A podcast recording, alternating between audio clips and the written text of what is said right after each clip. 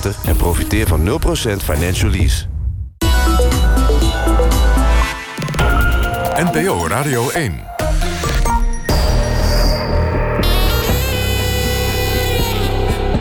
Argos.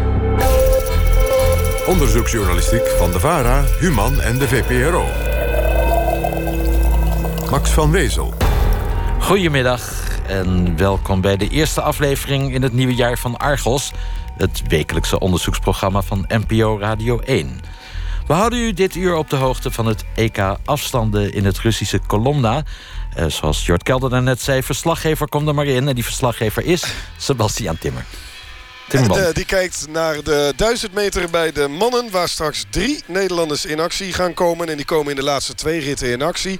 Uh, als eerste Thomas Krol rijdt uh, tegen de Rus Denis Juskov... die gisteren de Europese titel pakte op de 1500 meter. Krol werd toen tweede. En in de laatste rit rijden Koen Verwij en Hein Otterspeer tegen elkaar op jacht... naar Europees goud, zilver en of brons. Sebastian Timmerman. En de reportage gaat vandaag over hoe de Immigratie- en Naturalisatiedienst, de IND, omgaat met ernstig zieke asielzoekers. Hoe kan het dat een hartpatiënt hier in Nederland op straat belandt? En dat dat nog keurig volgens de regeltjes is ook. U hoort het in het laatste deel van een tweeluik over de bureaucratie bij de IND van de hand van Sanne Terlinge en Joline Kramer. En die zitten hier. Hallo. Hallo. Sanne, het uh, is een uh, tweeluik uh, waar deze reportage deel van uitmaakt. Vertel nog even waar deel 1 over ging. Ja, dat ging ook over Eritrese asielzoekers... en hoe moeilijk het voor hen is om aan te tonen dat ze echt uit Eritrea komen. Want ze hebben vaak geen documenten. En ze vinden het ook heel moeilijk om antwoord te geven op de vraag van de IND. En wat we uiteindelijk zagen is dat ze zich uit pure bewijsnood... zelfs tot de Eritrese ambassade wensen. Zeg maar tot de autoriteiten van het land waaruit ze zijn gevlucht. Wat een rare zaak is. Ja, zeker, zeker. Nou, wat er op die ambassade van Eritrea gebeurt... viel te horen in de eerste aflevering van jullie serie... in een geheime bandopname die jullie in handen kregen. En vervolgens eiste de meerderheid van de Tweede Kamer... dat die ambassade zou worden gesloten. Minister Halbe Zijlstra van Buitenlandse Zaken reageerde daar als volgt op. We zien nu de signalen van Argos. Ik wil, naar aanleiding van die uitzending... maar ook naar aanleiding van de eerdere signalen richting de OM... toch echt het, dringende verzoek neerzetten... dat we hen vragen goed aandacht te besteden aan deze kwestie... en ook de aangifte echt op waarde te beoordelen... en kijken of daar strafrechtelijk onderzoek uh, mogelijk is. Misschien dat de uitzending van Argos extra argumenten meegeeft. Ik zou ook de anonieme persoon in die uitzending dringend willen oproepen om aangifte te doen. Want dat hebben wij nodig, dergelijke feiten, om echt stappen te kunnen ondernemen. Ja, dat was Halbe Zijlstra die zegt... doe dan aangifte van dat soort uh, praktijken. Maar jullie bron had al aangifte gedaan, hè? Ja, die heeft uh, geluisterd naar uh, deze uitspraken van de minister... en die is toen bij ons teruggekomen dat hij daar graag iets uh, op terug wilde zeggen. Via ons, want hij wil nog steeds anoniem, anoniem blijven. blijven. Ja, en hij vertelde vorig jaar met Pasen... was er een grote conferentie van het regime van, van Eritrea in, in Nederland. Ja, ja, en daar hebben we toen ook een, een Argos over gemaakt. En dat leidde ertoe dat allerlei mensen ook uh, rondom die conferentie gingen demonstreren, vluchtelingen. Dat die conferentie werd verboden. En toen heeft het kabinet ook uh, opgeroepen aan die Eritrese vluchtelingen... om dan aangifte te doen, want dan konden ze er pas echt iets mee. En toen uh, is deze man dus naar het politiebureau gegaan. En hoe liep dat? Nou, die wilde aangifte doen. Die had ook al uh, een soort aangifte opgesteld... met wat hij allemaal wilde melden... van uh, bedreiging en intimidatie onder andere. En de politie heeft hem weggestuurd. Maar nu zegt de minister van Buitenlandse Zaken... ga weer naar de politie. Waarom doet hij dat niet?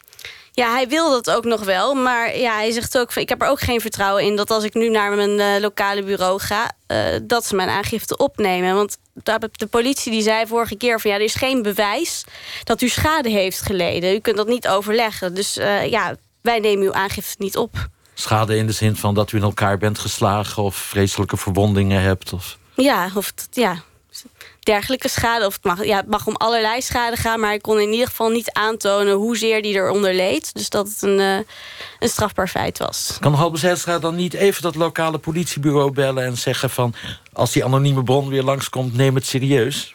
Ja, bijvoorbeeld. Uh, Halbe die mag, uh, die mag ons bellen... en dan brengen wij hem met, uh, met onze bron in contact. Zodat ze een afspraak kunnen maken... hoe hij wel serieus aangifte kan doen. Halbe, je weet wat je te doen staat nu.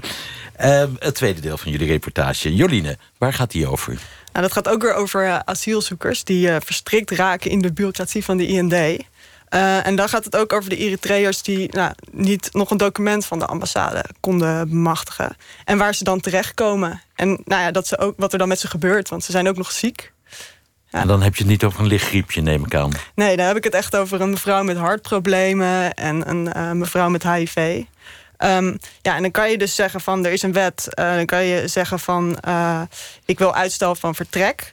En uh, dan kan je een beroep doen op artikel 64 van de Vreemdelingenwet. En daarin staat dat degenen die heel ziek zijn, dus mensen die echt heel ziek zijn, dat die niet uitgezet mogen worden. Nou, ken ik de redeneringen van de IND en van het ministerie van Justitie en Veiligheid wel een beetje. Ja, en die zeggen natuurlijk ja, er zijn veel afgewezen asielzoekers die opeens doen alsof ze ziek zijn. Met als doel om in Nederland te mogen blijven. Ja, daar kunnen we niet aan beginnen, Sanne. Nee, ons kabinet die is daar ook echt heel bang voor. Fred Teven die heeft, uh, toen hij nog staatssecretaris was... En geen buschauffeur. Ja, heeft hij een uh, brief naar de Kamer gestuurd. En daarin heeft hij het ook echt over vluchtelingen... die vlak voor hun uitzetting nog gauw zo'n uh, artikel 64 aanvraag indienen... Om, om hier te mogen blijven. En hij zei toen dat die aanvragen echt als enige doel hebben... om het uitzetproces te frustreren. Ja, maar van de asielzoekers in onze uitzending heeft de IND wel gezegd dat die echt heel ziek zijn. Dus dat is, dat is niet verzonnen. Maar dan kun je misschien wel zeggen dat die asielzoekers, dat individuele asielzoekers die wel ziek zijn, het slachtoffer worden van een hoos aan valse meldingen die er ook zijn. Nou ja, ja, het gaat echt niet om individuele gevallen. Want we hebben echt heel uitgebreid onderzoek gedaan. En ik heb met veel organisaties voor ongedocumenteerden gesproken. Bijvoorbeeld met de ASKV in uh, Amsterdam. En met Stil Stil in Utrecht. Dat is een hulporganisatie voor ongedocumenteerden in Amsterdam. Met Stil in Utrecht, dat is ook zo'n hulporganisatie. En met de noodopvang in Utrecht. En ook met vluchtelingenwerk hebben we gesproken. En bij sommige van die organisaties zeggen ze zelfs van, uh, dat ze het maar hebben opgegeven om artikel 64 aanvragen te doen voor een specifieke groep. Ja, zelfs bij mensen die echt ziek zijn. Het heeft gewoon geen zin, zeggen ze eigenlijk. Je komt er niet doorheen. Ja. We gaan straks uh, luisteren naar de reportage die jullie hebben gemaakt. Maar eens even kijken of Sebastian Timmerman er is om ons bij te praten over de duizend meter mannen. Daar uh, zijn we inderdaad op dit moment mee bezig. Het is nog een paar ritten wachten voordat uh, de twee Nederlandse rijders in actie gaan komen. Nog twee ritten om precies te zijn. Op dit moment staat er een Duitser bovenaan in het klassement. Dat is trouwens niet de minste, want uh, Nico Iele, dat is een hele goede. Greep net geen Olympische medaille vier jaar geleden. 1.08.95 is de snelste tijd. Nog twee ritten wachten. En dan gaan we dus naar de slot twee ritten... waar de drie Nederlanders in actie gaan komen. En dat was Sebastian Timmerman verslaggever, kom er maar in. We gaan luisteren, Jolien en uh, Sanne, naar jullie reportage... hoe een hartpatiënte op straat belandt. Nee, mag nog niet. Oh, nee, dan gaan we eerst doorpraten. Ik hoor dat uh, we dat pas over drie minuten mogen doen. Uh, laten we dan even verder kijken naar uh, die problematiek van ongedocumenteerde, afgewezen asielzoekers. Jolien, toch nog even. Jij hebt dus gepraat met allerlei hulporganisaties. Um, wat vertellen zij wat ze van de autoriteiten dan te horen krijgen? Nou ja, wat je eigenlijk te horen krijgt is dan... Uh, um, nou ja, jullie zijn wel ziek. Dus IND zegt dan van... Uh, nou, deze mensen zijn wel echt heel ziek. Um, maar omdat we niet weten waar je vandaan komt... kunnen we niet onderzoeken of je behandeld kan worden... in het land van herkomst. Ja, dus we wijzen je verzoek. Dus om uitstel van vertrek wijzen we af. Dat is wat ze zeggen. En kunnen ze daar dan niet achter komen of het, het gaat uh, bijvoorbeeld om landen als Eritrea, Ethiopië? En je hebt onze vorige uitzending gehoord, hè, dat, hoe lastig het voor die asielzoekers is om te bewijzen waar ze vandaan komen. Um, nou, dan zou je nog kunnen zeggen, dat hebben we ook steeds voorgelegd aan de IND, van, nou, kan je dan niet in meerdere landen onderzoeken waar die mensen vandaan komen. Van, stel nou, hè, iemand komt of uit Eritrea of uit Ethiopië. Kan je dan niet kijken van is er nou hulp in Eritrea of is er hulp in Ethiopië? En als dat er allebei niet is, dan mag je toch blijven. Maar zei ze ook van ja, maar de volgende keer is het een. Uh, kom je terecht en dan heeft zo'n land zes buurlanden. En dan moet je het in zes landen onderzoeken. En wie weet, we hebben wel te maken met een Eritreër die uh, in Hongarije is opgegroeid. Je weet het niet. Dus het is een, een heel bureaucratisch woud waar we ons zo meteen uh, doorheen gaan worstelen. Maar met dus hele erge gevolgen. Want die uh, artikel 64-regeling in de Vreemdelingenwet... die is eigenlijk opgesteld omdat mensen niet uh, in een medische noodsituatie mogen belanden. Maar het resultaat ervan, van hoe die nu dus is opgesteld... is dat die hartpatiënt hier op straat belandt. Dus of die regel dan klopt... Jolien, als, als je dat uh, verhaal hoort, heb je dan begrip voor uh, IND? Heb je dan begrip voor die redenering van... ja, het is soms ook ontzettend ingewikkeld om te achterhalen... of iemand echt uit het land komt? Zeker, je... ik, ik, ik zou niet in de stoel willen zitten van zo, zo iemand die zo'n uh, zo'n beslisambtenaar... zoals ze dat heel formeel zeggen. Want het is een moeilijke zaak. Het is een moeilijke zaak, zeker. Zeker. Waar zit dat bureaucratische dan in? Want uh, dat is wat jullie aan de kaak willen stellen, Sanne. Nou ja, het begint ermee dat om zo'n aanvraag te doen... moet je uh, een formulier invullen. En daarin moet je al je nationaliteit aangeven en je paspoort. En anders wordt dat formulier niet in behandeling genomen. Dus daar heb je dus al een probleem... als je die nationaliteit niet hebt kunnen aantonen. Ja, ja zeker. Ja, de nationaliteit speelt eigenlijk altijd een rol. En dus ook weer in zo'n procedure. Dat zie je. Ik ga eens kijken of uh, Sebastian wat te melden heeft... over de EK-afstanden in Colonna. Op de 1000 meter zijn we toe aan eh, de twee slotritten. Bijna althans, want kijk nu naar eh, rit 9 van de 11. En daarin finish Pavel Kulisnikov. En die doet dat goed. De voormalig wereldkampioen op deze afstand. Uh, 1.08.84 voor Kulisnikov. En daarmee leidt hij het klassement met nog twee ritten te gaan. Hij was 1100ste van een seconde sneller dan Nico Ile. De Duitser die dus lange tijd aan de leiding ging.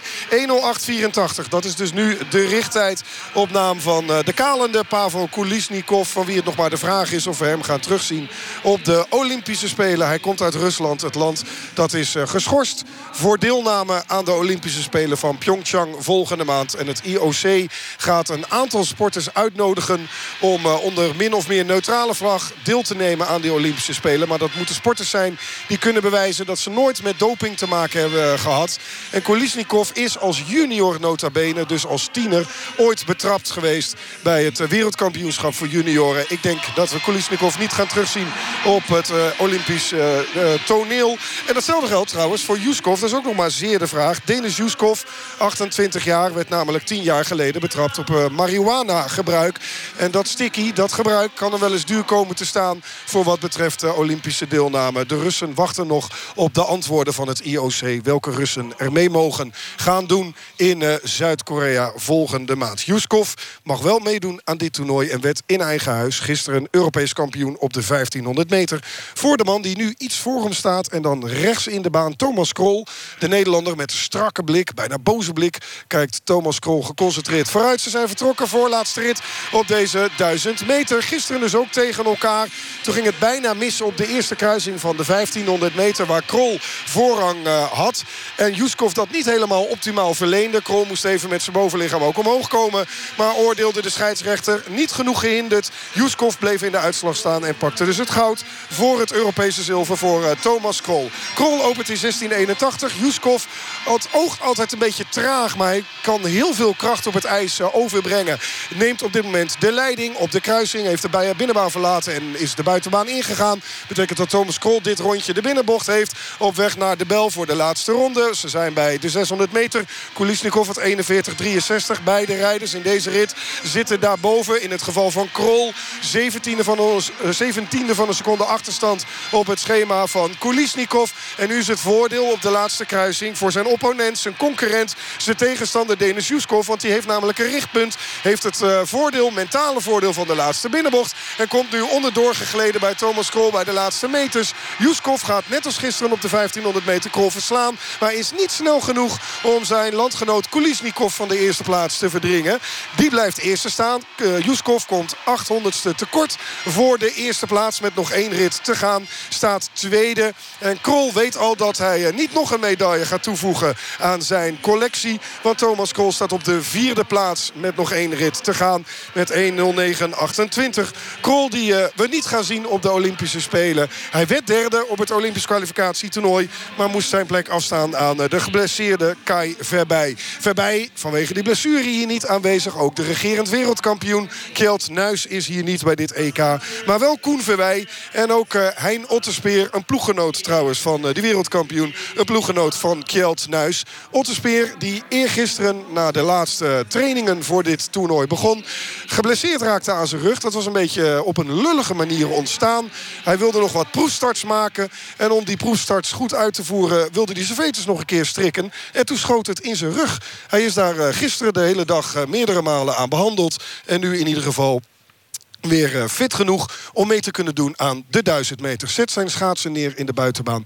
Maar zal nog wel een beetje wat uh, ja, voorzichtig reageren op het startschot. Rijdt tegen Koen Verwij, de Nederlander. 1500 meter specialist, maar kan de 1000 meter ook goed rijden. En er wordt een fout geconstateerd door de starter. Want in plaats van een startschot hoor ik een fluitje. En dus duurt het nog even voordat deze laatste rit gaat beginnen. Overtreding gemaakt trouwens door uh, Hein Ottespeer. Hij bewoog en dat deed hij in voor voorwaartse richting. Het was een lichte beweging, maar toch. En dat uh, mag niet. Dan raak je de rode lijn. En dan wordt de startprocedure dus afgebroken.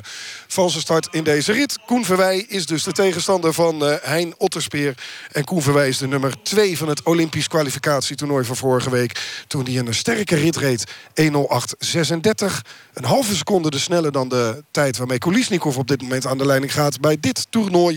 En Koen Verwij werd tweede dus op dat Olympisch kwalificatietoernooi. En mag deze afstand net als de 1500 meter en de massstart gaan rijden bij uh, de Olympische Spelen volgende maand. En ook de ploegenachtervolging. Kortom, druk programma daar voor Koen Verwij. Tweede start gelukkig wel goed. Dus weten we over een dikke minuut of er een uh, Nederlander aan de haal gaat met het Europese goud. Of dat het gaat naar Kulisnikov. Goede start voor Otterspeer. Zeker als je het afzet tegen Koen Verwij. Die opent in 17, 14, 16, 76 is de tijd van uh, Hein Otterspeer over de eerste 200 meter. En die komt dicht op Koen Verwij op de kruising uh, geleden na de 400 meter die ze hebben afgelegd. Achter Koen Verwij over de kruising heen. En dan aan het einde van de kruising profiteert uh, Otterspeer optimaal van de slipstream van Verwij. Maar komt hij niet goed door de bocht heen. Waait naar buiten toe. En is dit een beetje een rommelige rit. En zijn ze bij het ingaan van de laatste ronde nog altijd uh, behoorlijk langzamer dan Kulisnikov. Ook dan de nummer 2, Juskov. En lijkt er dus voorlopig geen medaille te komen uh, voor de Nederlanders. Want ze moeten ook nog tijd gaan goedmaken op Nico Ile. Beste lijkt er wel een beetje vanaf bij Otterspeer. Valt wat stil aan het einde van de kruising. Verwij kan via de binnenbocht nog in de buurt komen. Schaats nu naast Hein Otterspeer. Het komt neer op het uitversnellen uit de bocht. Wie de rit wint. De rit wordt gewonnen door Koen Verwij. Maar hij wordt slechts zevende. En Hein Otterspeer slechts achtste. En zo staat er geen Nederlander op het podium van deze duizend meter. Goud voor Kulisnikov, Rusland. Zilver, Juskov, Rusland. En het brons gaat naar de Duitser Nico Ile. Thomas Kool, de beste Nederlander op de vierde plaats. En bedankt voor dit uh, verslag, Sebastian Timmerman. Jolien, Sanne, nu gaan we toch echt luisteren naar jullie reportage... hoe een hartpatiënte op straat belandt.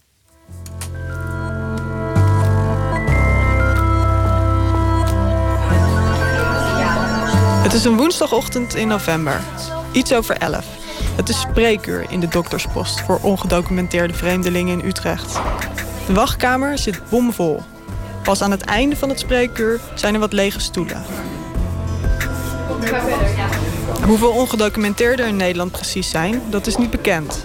Het zijn nergens geregistreerd. Maar het gaat in ieder geval om tienduizenden mensen. Mogelijk zelfs meer dan honderdduizend. En als ze ziek zijn, lopen ze niet zomaar binnen bij een gewone huisarts.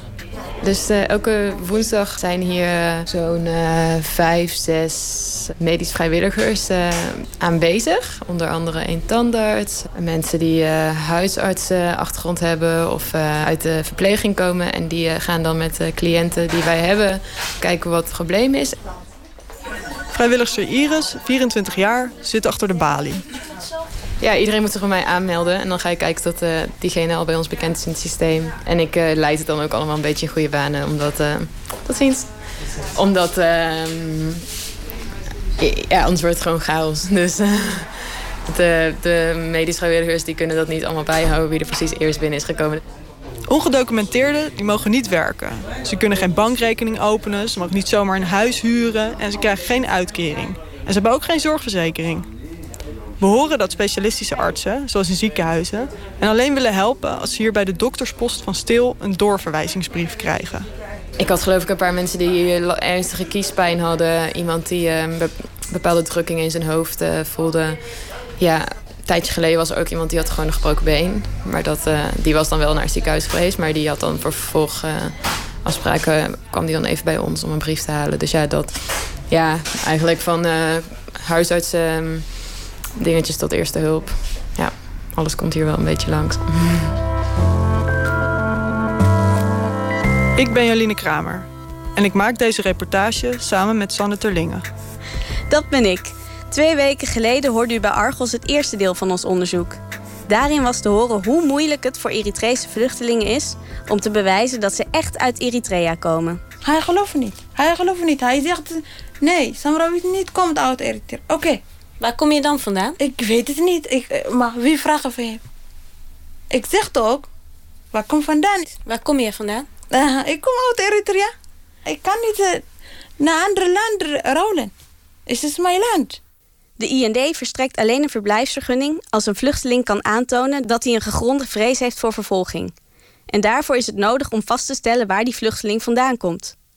Dat zei de waarnemend directeur van de IND, Nanette van Schelven. Als iemand zijn identiteit en nationaliteit niet kan bewijzen, dan zullen we uiteindelijk zijn aanvraag moeten afwijzen. Ook als er ook geen enkel signaal is dat diegene uit een ander land komt. Als iemand zijn identiteit en nationaliteit niet kan, uh, aannemelijk kan maken, dan uh, wijzen we af. Uit pure bewijsnood wenden Eritrese vluchtelingen zich tot de Eritrese ambassade. Nota bene de autoriteiten van het land waaruit ze zijn gevlucht.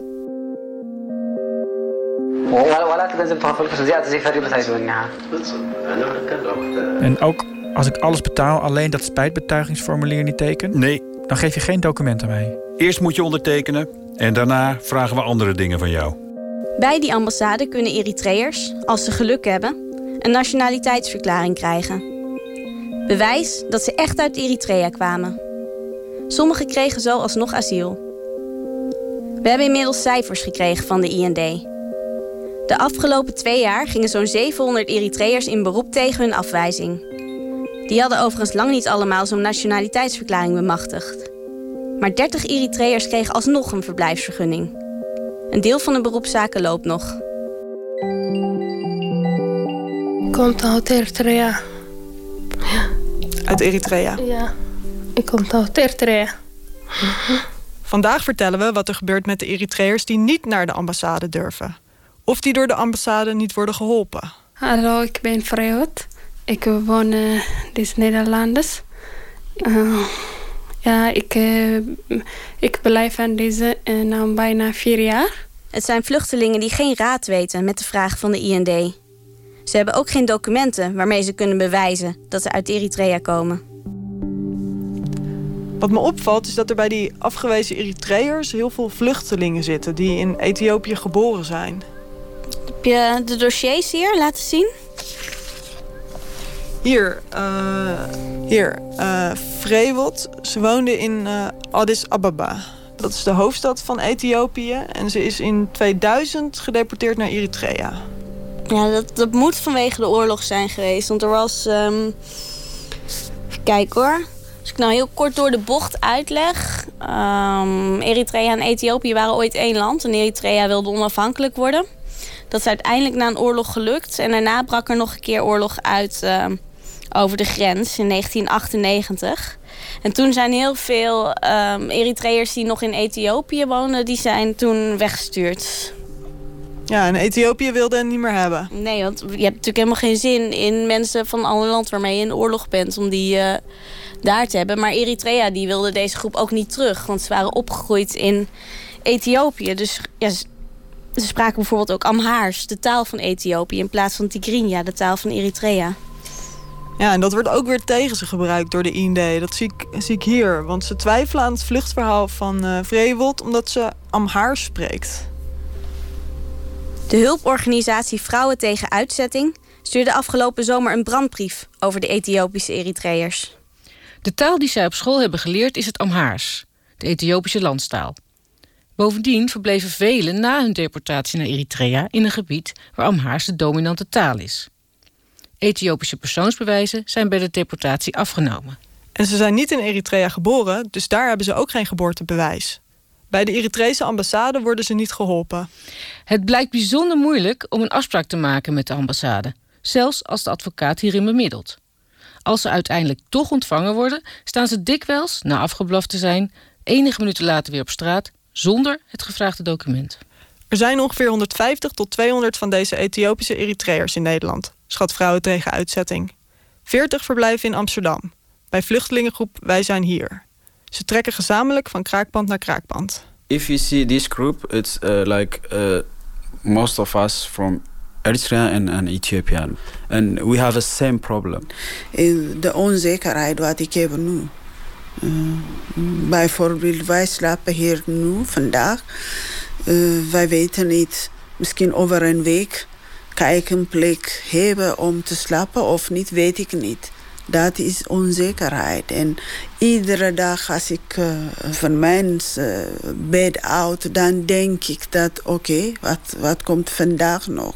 Ze mogen niet in Nederland blijven, maar ze kunnen ook niet terug. Ja, ik heb nee, terugaf. Daar is heel moeilijk voor mij. Deze Eritrea. En u heeft ook nog in Ethiopië gewoond en in Soudaan.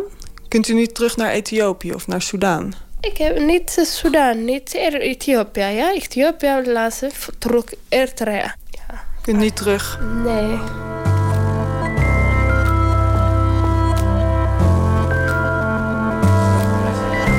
Terug naar hulporganisatie Stil in Utrecht. Het medisch spreekuur. Gemma Sliedrecht is de coördinator. Uh, kan je eens kort beschrijven hoe dat nou zit? Je bent ongedocumenteerd, dus je hebt geen verzekering. Nee, je mag je niet verzekeren. Je kan je niet verzekeren. Uh, dus uh, het is niet dat mensen het niet willen of het te duur vinden. Of het, het kan gewoon feitelijk niet. Maar ondanks dat je het niet kan verzekeren, hebben we gewoon met elkaar afgesproken in internationale verdragen met betrekking tot mensenrechten dat iedereen recht heeft op zorg. Er blijkt een heel systeem opgetuigd om ervoor te zorgen dat ongedocumenteerden in ieder geval medisch noodzakelijke zorg krijgen. En medicijnen, hoe zit dat precies als mensen medicijnen nodig hebben? Uh, dat hangt er vanaf of het onder de zorgverzekering valt of niet. Medicijnen die onder de zorgverzekering vallen, daar moet een eigen bijdrage van 5 euro per recept per keer worden betaald. En wat niet wordt vergoed eh, voor jou en mij door de zorgverzekeraar, dat moeten mensen volledig zelf betalen. Dat is dus best ingewikkeld, want ongedocumenteerden mogen niet werken. En ze krijgen ook geen leefgeld, zoals bijvoorbeeld asielzoekers. Stil springt bij. Wij geven de 5 euro aan cliënten en we krijgen daarvoor subsidie van de gemeente. Stel, ik heb iedere week medicijnen nodig. Moet ik dan iedere week naar jullie toe? Ja, dan moet je iedere week eerst hier langskomen voor 5 euro. En dan moet je helemaal naar de andere kant van de stad. Omdat er maar één apotheek is die gecontracteerd is. Dus je, het is een hele onderneming, ja. Er zitten meer haken en ogen aan de regeling, legt Sliedrecht uit. De feitelijke zorg is toegankelijk, maar de omstandigheden die nodig zijn om ook daadwerkelijk beter te worden, en vooral dus de preventieve kant ook, die is er niet.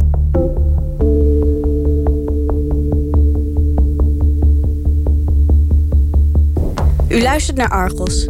Vluchtelingen die uit Eritrea komen, hebben recht op een verblijfsvergunning. Maar als ze hun herkomst niet kunnen aantonen, belanden ze tussen wal en schip. Ze leven in kraakpanden of vinden bed, bad en broodopvang, soms zelfs op straat. Ze mogen niet werken en ze hebben geen zorgverzekering. We stuiten op ongedocumenteerden die echt heel ziek zijn, zoals Vrevelt. Hoe lang bent u nu in Nederland? Vier jaar. Nou, november, ja, vier jaar. En op hoeveel plekken heeft u al gewoond? Oh, ik denk, ja, lang tijd. is uh, tien, ja, tien, ik denk. Tien. Vrevelt is 27. Ze heeft expressieve, grote ogen die oplichten als ze vrolijk is. Haar haar in vlechten. Ze heeft twee Eritrese ouders, maar ze is opgegroeid in Ethiopië. En ze is in 2013 afgewezen, omdat de IND niet kon vaststellen of ze nou Ethiopisch is of Eritrees. Ze werd uit het asielzoekerscentrum gezet en belandde in een daklozenopvang. Tussen de drugsverslaafden. Ze was wanhopig en angstig, vertelt haar begeleidster Ellen Sante. PTSS, constateerde de dokter. Posttraumatische stressstoornis. Ook ontdekte ze een litteken van een kogelwond. En een hartprobleem. Ja, ik heb probleem deze hartmetaalklep. Die is heel moeilijk voor mij. Deze na operaties, dus open surgery, na een in doen. Dan elke dag voor mij medicijn tekent, ook bloedprik moet. Ja, niet uh, één keer medicijn, niet één, nee, elke dag. In 2014 werd Vreewold geopereerd. Ze kreeg een kunsthartklep en slikt dagelijks medicijnen. Ze moet elke twee weken naar de trombosedienst om haar bloedwaarde te laten testen. Ja, bloedprik kijken dokter hoeveel medicijn tekent. Alleen bloeddienaar. Bloeddienaar kijken, ik denk uh, vandaag uh, twee, uh, overmorgen twee half, niet zelfde. We ontmoeten Vreewot en haar 77-jarige begeleidster Ellen in een klein kamertje van een hulporganisatie. Er is een bed, een kast en een bank. En aan de muur hangt een kleurige poster van Jezus. Het is medio november. Vreewot wacht op een nieuw besluit van de IND. Haar aanvraag moet worden goedgekeurd, vindt Ellen. In Eritrea krijgt ze niet de juiste zorg. Maar het punt is gewoon, haar bloedstolling moet altijd gecontroleerd worden. Want dat is levensbedreigend als die niet goed is. Dan kan ze een eh, hersenbloeding krijgen of zo. Zij moet ook onder controle blijven op cardiologie. Dus het is voor haar heel belangrijk dat zij dus behandeling krijgt. Levenslang moet zij onder controle zijn.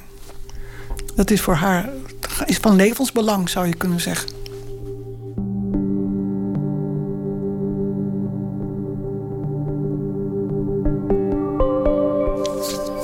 Wat is dat?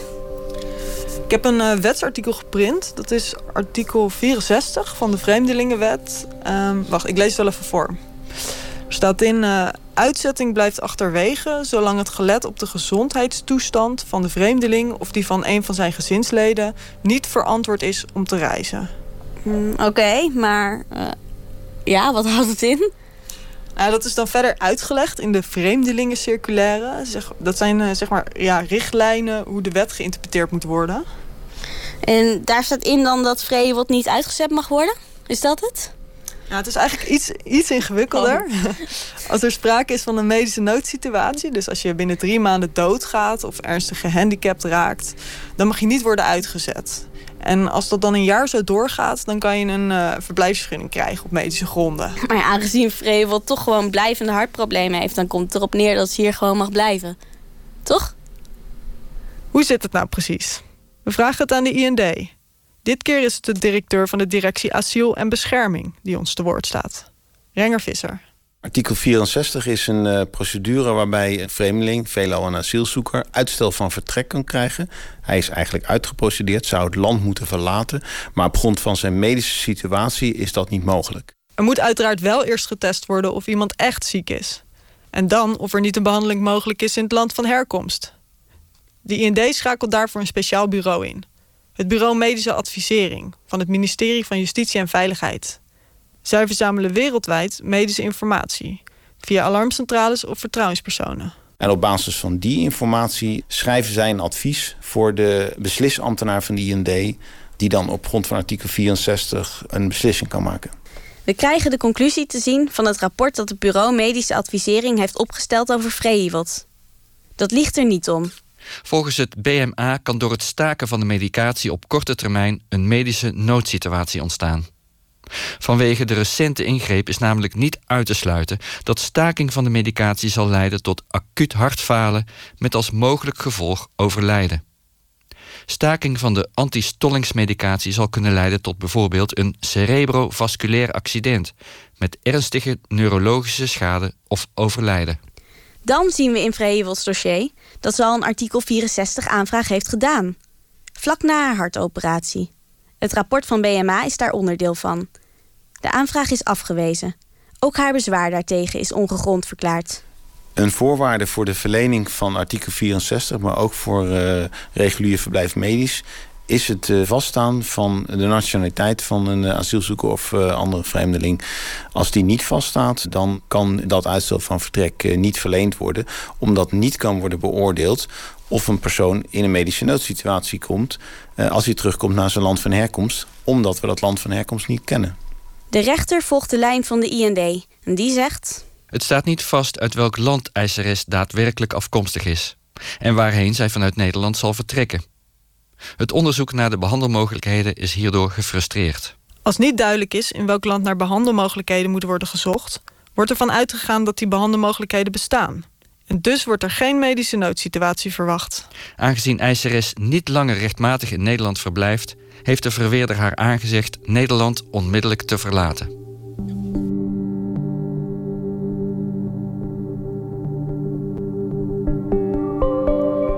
Jolien, kom eens. Ja? Hier, kijk. Ik krijg nou uh, nog zo'n casus binnen. Van een Eritrese vrouw, Hanan heet ze. Ik zie dat ze, ze is net als Freewold opgegroeid in Ethiopië. Amhaar spreekt ze, ook geen Tigria. 2010 asiel gevraagd, afgewezen. Ook weer omdat die nationaliteit niet kon worden vastgesteld. En is ze ook ziek? Is zij niet, maar ze heeft twee zoontjes, Younes en uh, Ahmed. En die zijn hier in Nederland geboren, vijf en drie jaar, zie ik. Uh, ja, ik heb hier het verslag van uh, Hanans laatste goor bij de IND. Mijn kinderen hebben een probleem. Ze zijn autistisch. Ze krijgen hier in Nederland een speciale school, speciale behandelingen. Ze hebben heel veel verschillende doktoren en artsen die hun gezondheid controleren. Volgens ons geloof denken ze dat het iets te maken heeft met Satan. Ze worden gewoon geslagen zodat ze van hun ziekte afkomen. Dat wil ik niet. In 2010 is reeds geoordeeld dat u niet aannemelijk heeft gemaakt dat u de Eritrese nationaliteit bezit. Dit oordeel is uiteindelijk in rechten vastkomen te staan en daarom ben ik ook aan dat oordeel gebonden. Ik heb hier zeven jaar geleden asiel aangevraagd en zeven jaar lang heb ik in een asielzoekerscentrum gewoond. Het asielzoekerscentrum is heel zwaar om daar te leven met de kinderen samen. Het is net als een gevangenis. In het geval van uw kinderen en in uw geval is echter geen land van herkomst bekend. Het is derhalve onmogelijk om een onderzoek op te starten naar de medische situatie van uw kinderen, omdat niet bekend is aan welk land getoetst dient te worden. Begrijpt u dat? Mijn nationaliteit is Eritrese. Ik kan u niet een andere nationaliteit opgeven. Dat begrijp ik, maar in rechten is reeds vast komen te staan dat dit niet aannemelijk is gemaakt door u. Waarom bent u niet naar de Eritrese ambassade gegaan? Wanneer u daar een identificerend document kan verkrijgen, zou dat uw zaken zoveel helpen. Als ik naar de Eritrese ambassade ga, heeft mijn vader een heel groot probleem. Ik wil niet dat hij in een probleem komt vanwege mij. Ter onderbouwing van uw herhaalde asielaanvraag heeft u een aantal documenten overlegd welke betrekking hebben op uw zoon. Kunt u deze documenten toelichten? Wat wilt u hiermee aantonen? Zoals u heeft gezien zijn ze allebei autistisch. De artsen hebben gezegd dat deze afwijking niet kan worden genezen, maar wel met een behandeling kan worden verminderd. En dat doen ze hier in Nederland. De laatste tijd ben ik in de gezinslocatie zeven keer verhuisd. Als mijn oudste zoon in contact komt met andere kinderen, wordt hij heel onrustig. Als hij een geluid hoort, dan probeert hij onder de tafel te kruipen, omdat hij dat niet aan kan. Ik wil graag dat mijn procedure wordt bekeken aan de hand van de problemen die mijn kinderen hebben.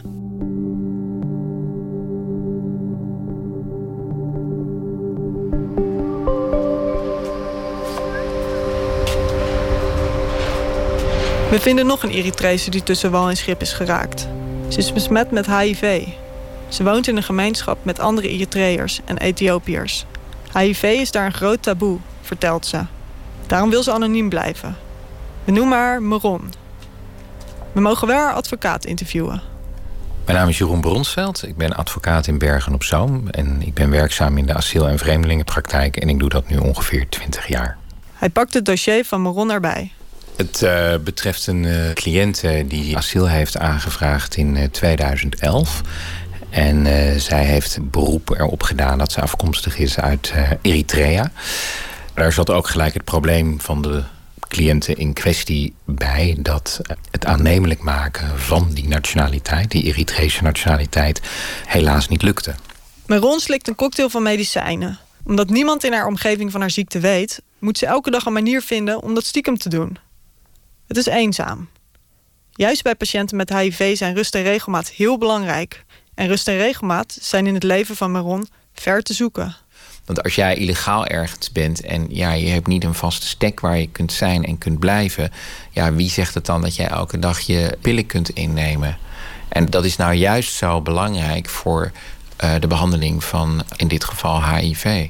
Ook in het dossier van Maron zit een onderzoek van het Bureau Medische Advisering. Daarin staat: voor ze een behandeling kreeg, waren haar CD4-cellen laag. En door de behandeling die ze nu krijgt, is de situatie redelijk.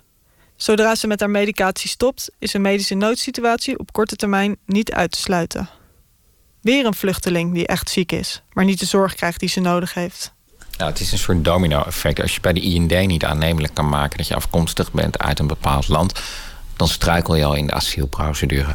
Vervolgens word je ziek en doe je een beroep op een verblijf hier omdat je niet terug kunt naar je land. Welk land, zegt de IND dan? Want dat weten we niet. Zie asielprocedure.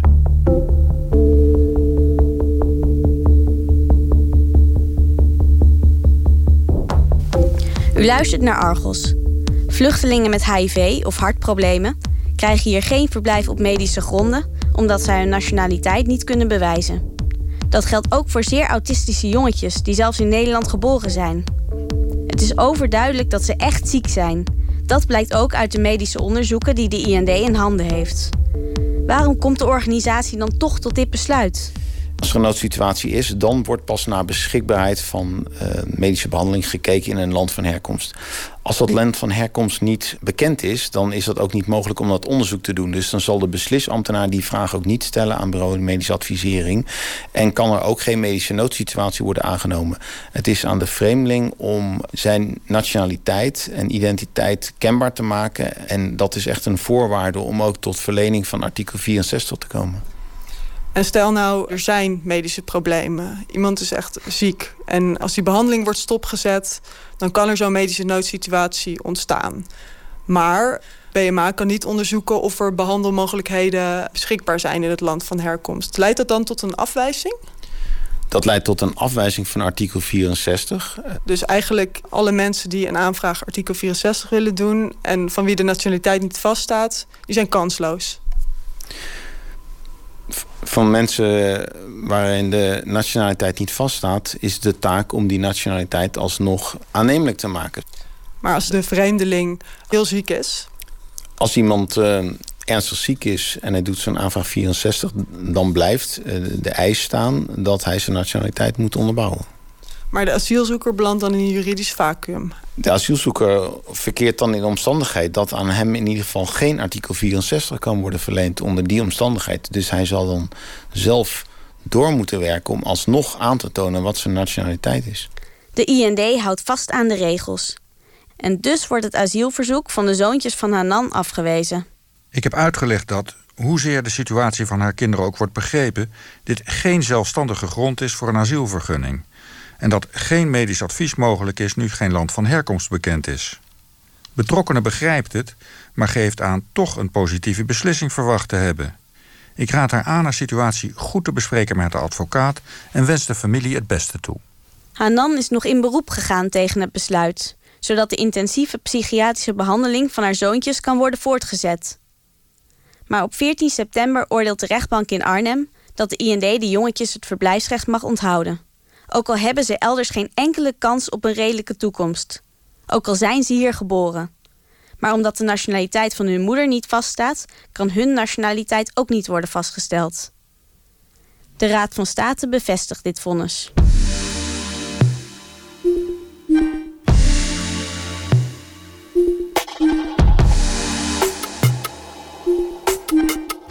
Het is vast allemaal volgens de regels, maar kloppen de regels wel?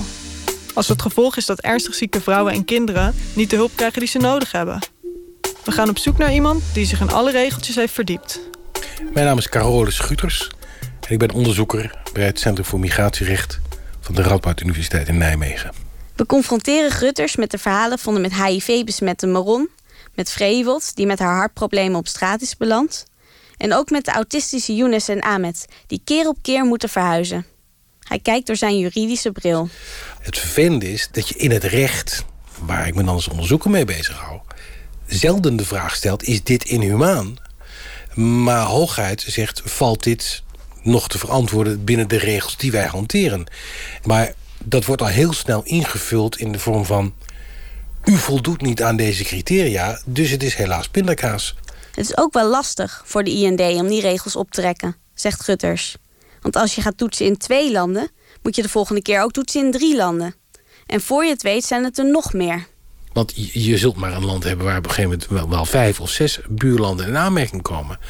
Dan wordt het erg complex. En die complexiteit is voor de IND lastig te beoordelen. En dan is het, heel kort de bocht gezegd, makkelijk om te zeggen dat er dus mogelijk is. En deze mevrouw met die autistische kinderen valt dan letterlijk tussen wal en het schip.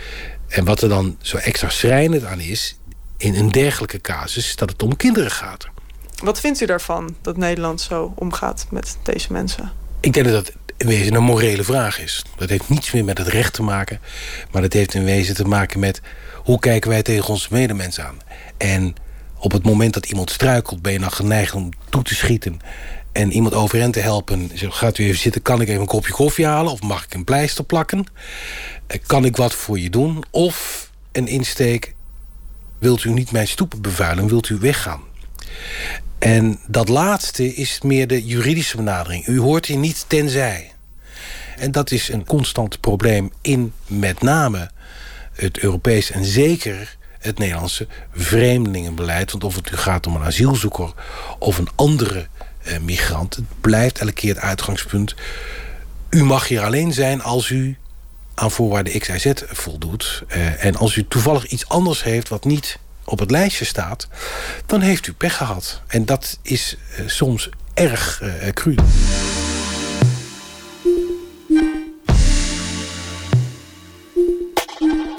Eind december. We zitten in de keuken. Het gaat niet goed met Vreewold. Ja, niet goed slapen, dit is hart een probleem, ja? Okay. Je bedoelt hartkloppingen die je krijgt? Hartkloppen, ja. ja. Ik heb een beetje moeilijk deze Nederlanders ook. Alleen dit medicijn, belangrijk. Ik heb uh, stress, ja, stress is ook bloed is niet goed. Vrijwilligster Ellen is er ook. Ze somt de plek op waar Vreewold al heeft gewoond. Vanuit het asielzoekerscentrum in Alkmaar kwam ze naar Amsterdam. Hier is Centraal Station. In de stad, hè? Van daklozen. Daklozen. Drie, drie weken daar. Drie weken. Ja, heel moeilijk daar. Vreewold heeft ook een nacht bij Ellen geslapen. En bij de Aak in Osdorp, in de crisisopvang, in het bejaardentehuis, in de Belmer, bij de 24-uursopvang van het leger des Hels. En dat ze eindelijk haar eigen kamer. Maar ze heeft net te horen gekregen dat haar nieuwe asielaanvraag is afgewezen. En deze opvang is alleen voor ongedocumenteerden die nog in de procedure zitten. Dus moet ze eruit. Ja, donderdag. Ja, donderdag moet oud. Ze hebben al naar de bedbad broodopvang gebeld. Maar die hebben een wachtlijst. Het is nog niet zeker of ze daar terecht kan. En als het helemaal niemand is, dan ja, Viriwot is ook nog bij vrienden of mensen van de kerk aan het vragen. En anders dan komt ze maar bij ons logeren eventjes. Ja, het is niet anders. Je kan niet op de straat.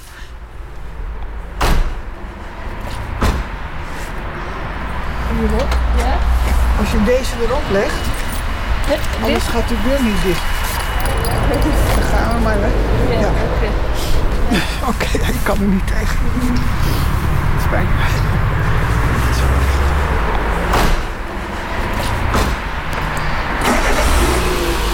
We zijn erbij als Vreewold de deur achter zich dichttrekt. Twee koffers, een stapel tassen.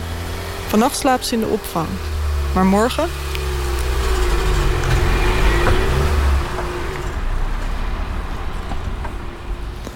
Ja, het onverbindelijke artikel 64 van de Vreemdelingenwet. Hoe een hartpatiënt op straat belandt... was een reportage van Jolien Kramer en Sanne Terlingen. Eindredactie Huub Jaspers. Techniek Alfred Koster. En uh, Jolien en uh, Sanne zitten hier nog steeds. Jolien, ja, jij was erbij toen uh, uit huis werd gezet. Had je niet de neiging om te zeggen... kom maar mee, kom maar bij mij wonen? Ja, ik vond het ontzettend schijnend om te zien. Echt, ja, echt heel schijnend. En vooral als je dan als journalist met je... Ja, je staat daar met je microfoon en je, bent het aan het opnemen. Ja, je, je staat eigenlijk niks te doen. Ja. Geeft een heel machteloos gevoel. ja, een heel machteloos gevoel. Ja. We hoorden net dat de IND het eh, ingewikkeld vindt om te onderzoeken of behandeling van patiënten als Vreewold en Meron mogelijk is in landen als Eritrea of Ethiopië.